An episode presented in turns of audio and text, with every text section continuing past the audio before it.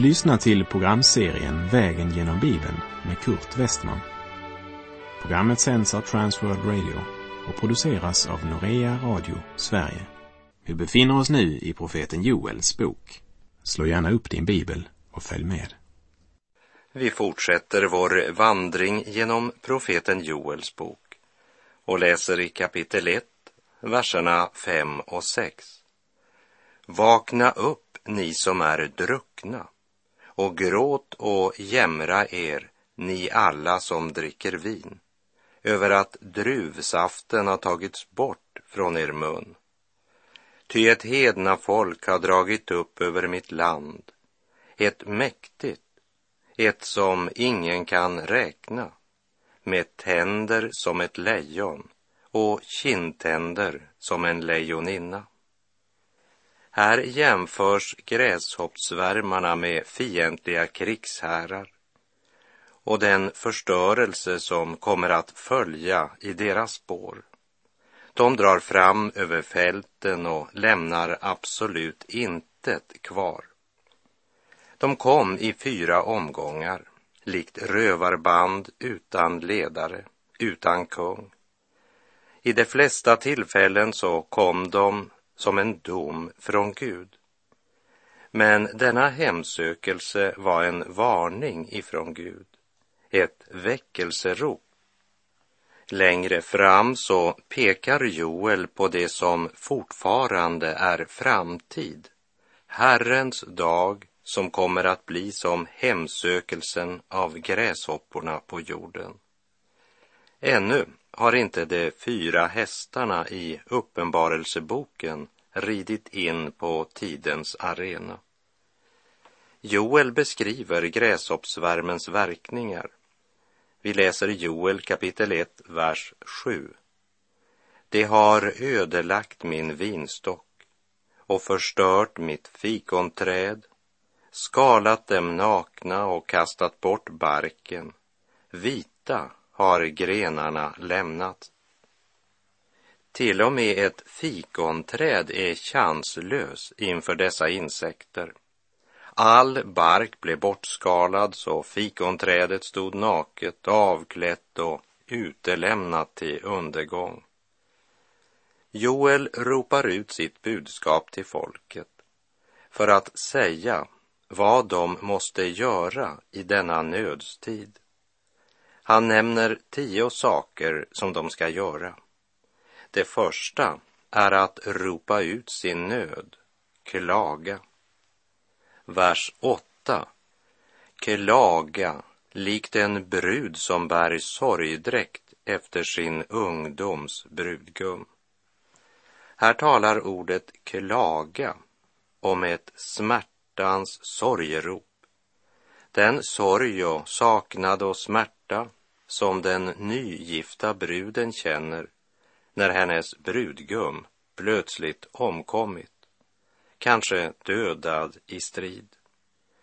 Kan någon sorg vara större än den som förlorat sin älskade? Så ska nationen klaga och ropa ut sin nöd. Vers 9. Matoffer och drickoffer har tagits bort från Herrens hus. Prästerna, Herrens tjänare, sörjer. Det fanns inte längre någon möjlighet att utföra offren. Det fanns varken mjöl eller olja som skulle vara med i matoffret. Och här nämner Joel det andra som bör ske i nationen. Prästerna borde sörja över det tillstånd som nu råder i Herrens hus. Dessa ord kan tyda på att Joel själv befann sig i Jerusalem. Och här talar han till prästerna som tjänstgjorde i Herrens hus. Vers 10. Fältet är ödelagt, marken sörjer, ty säden är förstörd. Det nya vinet har torkat bort och oljan har sinat. Det fanns ingen olivolja, inga vindruvor, inget korn. Tre livsviktiga förnödenheter var totalt utplånade. Till och med naturen sörjde, vilket ju är helt i tråd med vad Paulus säger i Romarbrevet 8, verserna 20 till och med 22. Skapelsen har ju blivit lagd under förgängelsen, inte av egen vilja utan av honom som lade den därunder. Ändå finns det hopp om att också skapelsen ska befrias från sitt slaveri under förgängelsen och nå fram till Guds barns härliga frihet. Vi vet att hela skapelsen ännu samfällt suckar och våndas. Mose lag och orden om välsignelse och förbannelse, det var inte bara givna åt människorna, men också åt landet och naturen. Joel har talat till drinkare. Han har talat till prästerna och nu vänder han sig till bönderna. Vers 11 och 12. Stå med skam, ni jordbrukare. Jämra er, ni vinodlare, över vetet och över kornet, ty skörden på fälten är förstörd. Vinstocken är förtorkad och fikonträdet har vissnat. Granatträdet, palmen och äppelträdet, ja, alla träd på marken har torkat bort. Glädjen har vissnat bort från människors barn. Det är den tredje förmaningen. Stå med skam. Och den fjärde, jämra er. Han uppmanar dem att inte blunda för den verklighet de befinner sig i. Kära vänner, det är inte tid för verklighetsflykt. Försök inte hitta en bra ursäkt, utan inse din skuld. Och bekänn den öppet. Stå där med skam. Erkänn din skuld. Och när någon frågar hur står det till så svara inte tack, bara bra, utan säg det som det är. Jämra dig. Hela näringsgrundlaget är borta. Stanna upp ett ögonblick och fråga dig, varför blev det så här? Det är som om Joel ville säga, det fakta som du nu vägrar att se i ögonen kommer att knivhugga dig i ryggen om ett ögonblick. Överge den falska trösten. Ser ni inte att glädjen har vissnat bort från människors barn?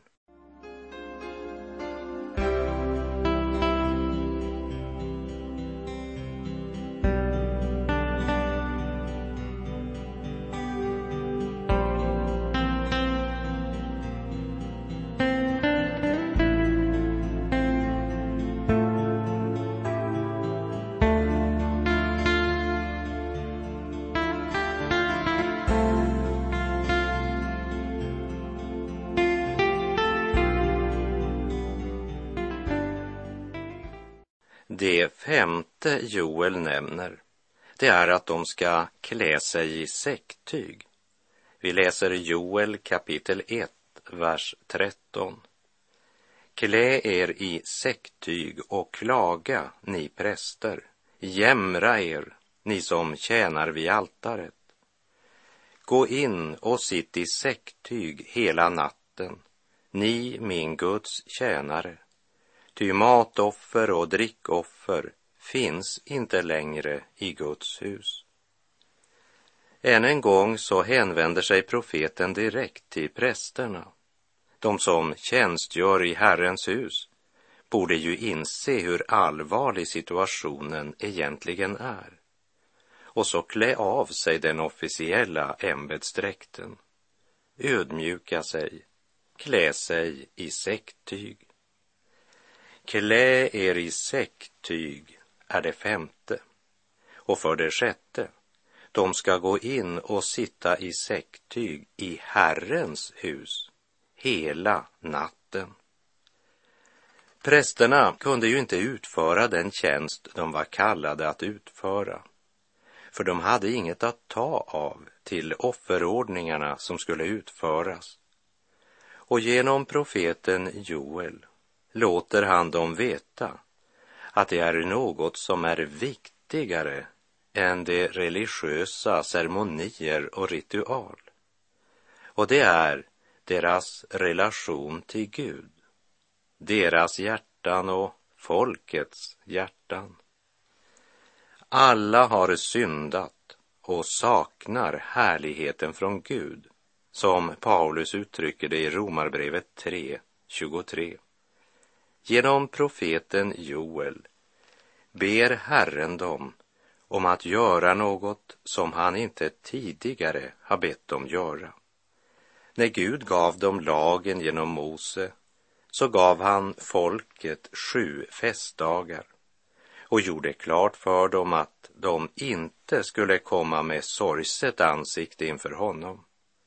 Han ville att de skulle träda in i hans hus med jubel och med glädje i sina hjärtan. Har du lagt märke till att när de troende samlas så påminner det oftare om en begravning än om en glädjefest. Det ser ut som om alla världens bekymmer vilade på deras axlar, samtidigt som man bekänner sig tro på honom som säger Detta har jag talat till er för att min glädje ska vara i er och för att er glädje ska bli fullkomlig som det står i Johannes 15, vers 11. Jag har sett massor av helgon som sitter som en staty på en stol och det kommer aldrig ett leende över deras läppar i Guds hus. Jag önskar att de hade kunnat glädja sig. Jag tror att det skulle göra dem gott. Det är så lite av den överflödande glädjen i Guds församling idag, precis som det var på Joels tid. Men varför säger Gud nu för första gången till sitt folk, jag vill att ni ska sörja, gråta och klaga. Jag vill att ni ska klä er i säcktyg och jämra er när han tidigare hade sagt jag vill att ni ska komma inför mig med glädje. Orsaken är att hela nationen lever i synd. Och det är också orsaken till att det är så lite sann glädje bland oss idag. Världen arbetar verkligen hårt och intensivt idag för att erbjuda sina surrogat Musiken blir alltmera högljudd och skämten har blivit så orena att det finns ingen orsak att skratta.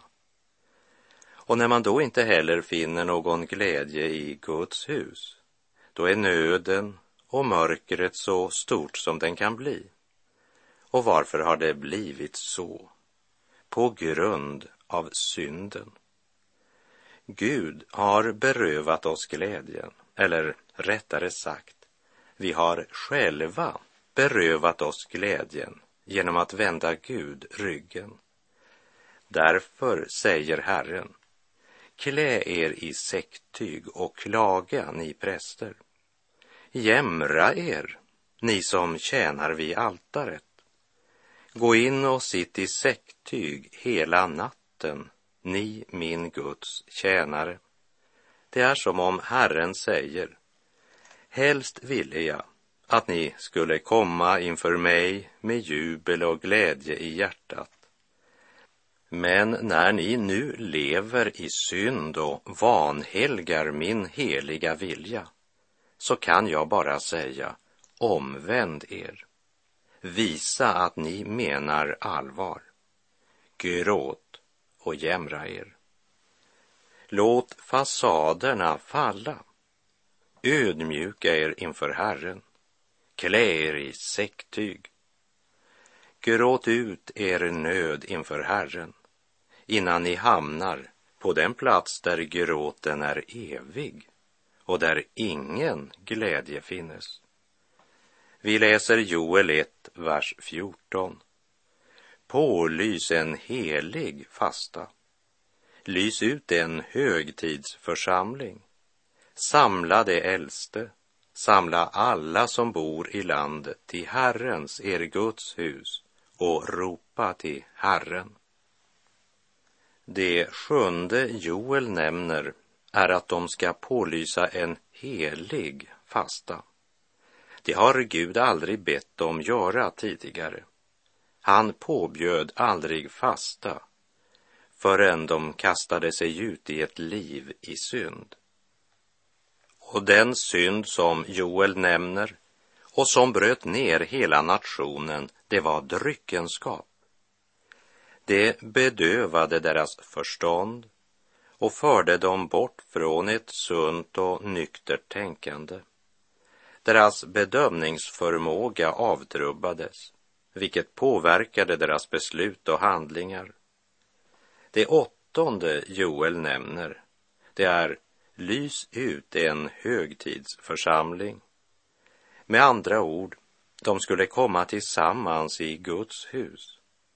Gud som hade önskat att hans folk skulle komma inför honom med jubel och glädje.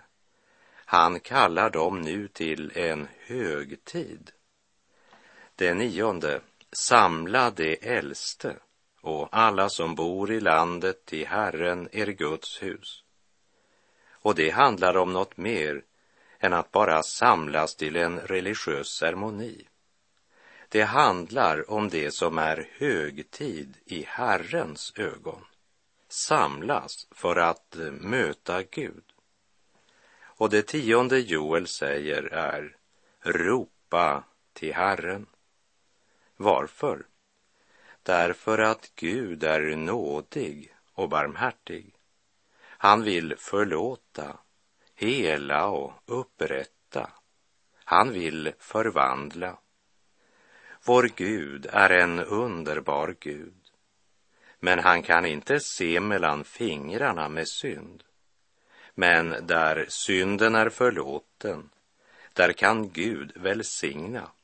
Och det är det han önskar för sitt folk. Gud kallar dem att söka honom i deras stora nöd. Och genom profeten Joel låter han dem veta vad de borde göra om de önskar Guds välsignelse över sig själva och över nationen.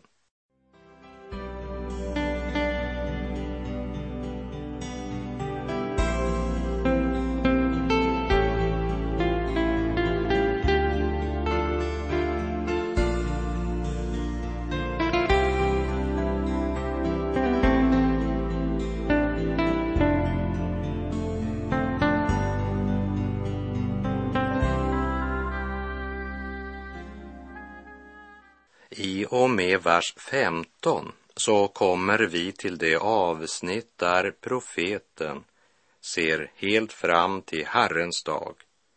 Och på ett mästerligt sätt lyfts blicken från den lokala situationen med gräshopporna som plågar och helt till den dag då alla plågor upphör.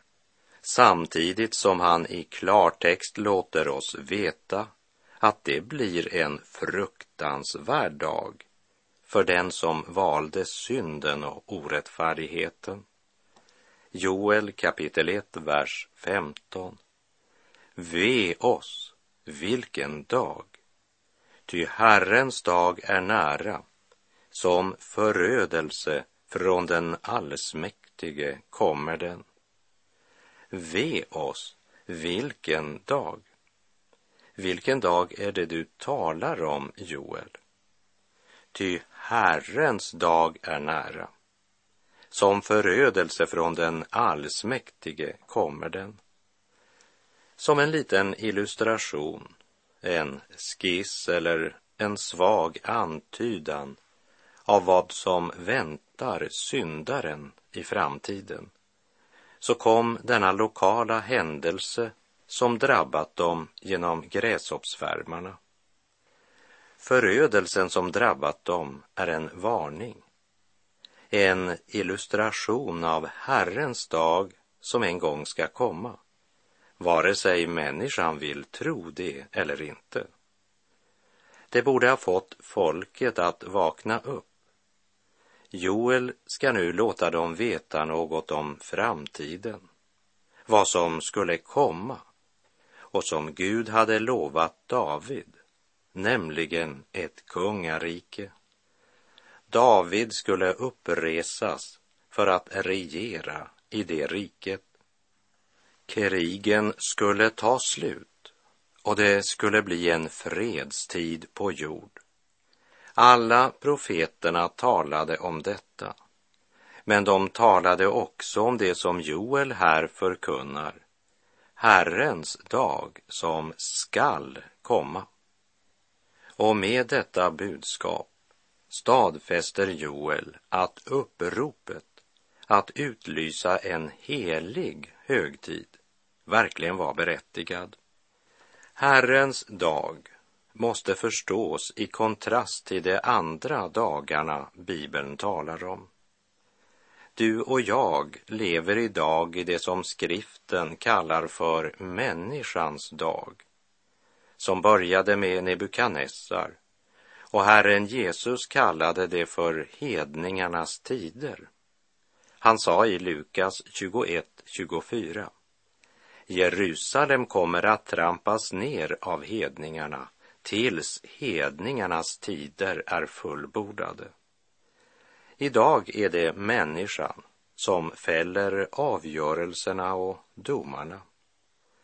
Vi appellerar eller överklagar till högsta domstolen, men vi vänder oss inte till Gud. Honom har vi helt glömt. Hans namn används bara till att svära och tanklöst utropa Herregud. Gud nämns bara till Guds bespottelse. Dr. Louis Berry Schaeffer, han har gjort följande uttalande angående människans dag eller människans tid. Han säger, detta tema som till tider dykt upp, dunkelt och obestämt genom vissa översättare, refererar Bibeln till med namn endast en gång och det är i Första Korinterbrevet 4.3 där Paulus säger Mig gör det ingenting att ni eller någon mänsklig domstol dömer mig. Ja, jag vill inte ens döma mig själv. Och just i detta avsnitt är uttalandet mänsklig domstol eller människors domar något som verkligen refererar till den mänskliga opinion som är verksam i vår tidsålder och som mera riktigt och bokstavligt kunde översättas människans tid. Så långt Sperry Schaefer. Vi lever i människans dag. Humanismen florerar i vår tid. Och människan inbillar sig att hon kan lösa alla problem i världen. Men vad har människan egentligen åstadkommit? Människan har skapat en värld i totalt kaos. Där varje ny politiker som dyker upp tror sig ha svaren. I alla fall eh, försöker han inbilla andra det men de har inte alls svaren. Människan kan inte lösa problemen i vår värld. Men skriften talar om en annan dag som skall komma. Herren Jesu Kristi dag. Paulus skrev i Första Korinterbrevets första kapitel, verserna 7 till och med 9. Därför saknar ni inte någon nådegåva medan ni väntar på vår Herre Jesu Kristi uppenbarelse. Han skall också styrka er ända till slutet så att ni inte kan anklagas på vår Herre Jesu Kristi dag. Både det gamla och det nya testamentet talar om Herrens dag. I Andra Thessalonikerbrevets andra kapitel vers 1 till och med 4 skriver Paulus. När det gäller vår Herre Jesu Kristi ankomst och hur vi ska samlas hos honom ber vi er bröder att inte så plötsligt tappa fattningen och bli skrämda, vare sig av någon ande eller av något ord eller brev som påstås komma från oss och som går ut på att Herrens dag har kommit. Låt ingen bedra er på något sätt, ty först måste avfallet komma och laglöshetens människa, fördärvets son, öppet träda fram. Motståndaren som förhäver sig över allt som kallas Gud eller heligt, så att han sätter sig i Guds tempel och säger sig vara Gud. Profeten Joel gör det klart vad Herrens dag är. Han säger att Herrens dag är en mörk, tung och svår dag. Det var många som med utgångspunkt i löftet om Davids rike menade att de skulle gå in i kungariket och livet skulle bli problemfritt och lätt. Men Joel proklamerade att Herrens dag börjar med mörker. Jesus kallar det för födslovåndor.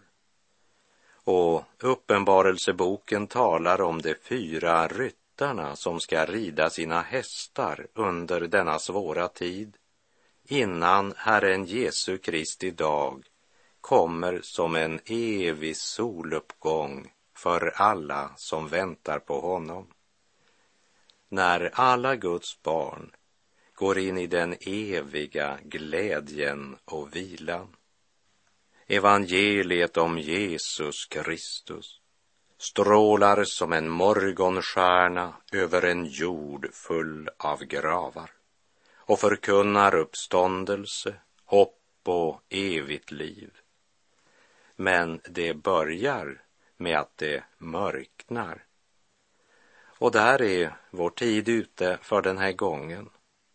Jag avslutar med att läsa vad Paulus skriver till de troende i Thessalonika. I Första Thessalonikerbrevets femte kapitel, verserna 9 till och med 11. Ty Gud har inte bestämt oss till att drabbas av vredesdomen, utan till att vinna frälsning genom vår Herre Jesus Kristus. Han har dött för oss, för att vi ska leva tillsammans med honom, vare sig vi är vakna eller insomnade. Uppmuntra därför varandra och uppbygg varandra så som ni redan gör. Herren vare med dig. Må hans välsignelse vila över dig. Gud är god.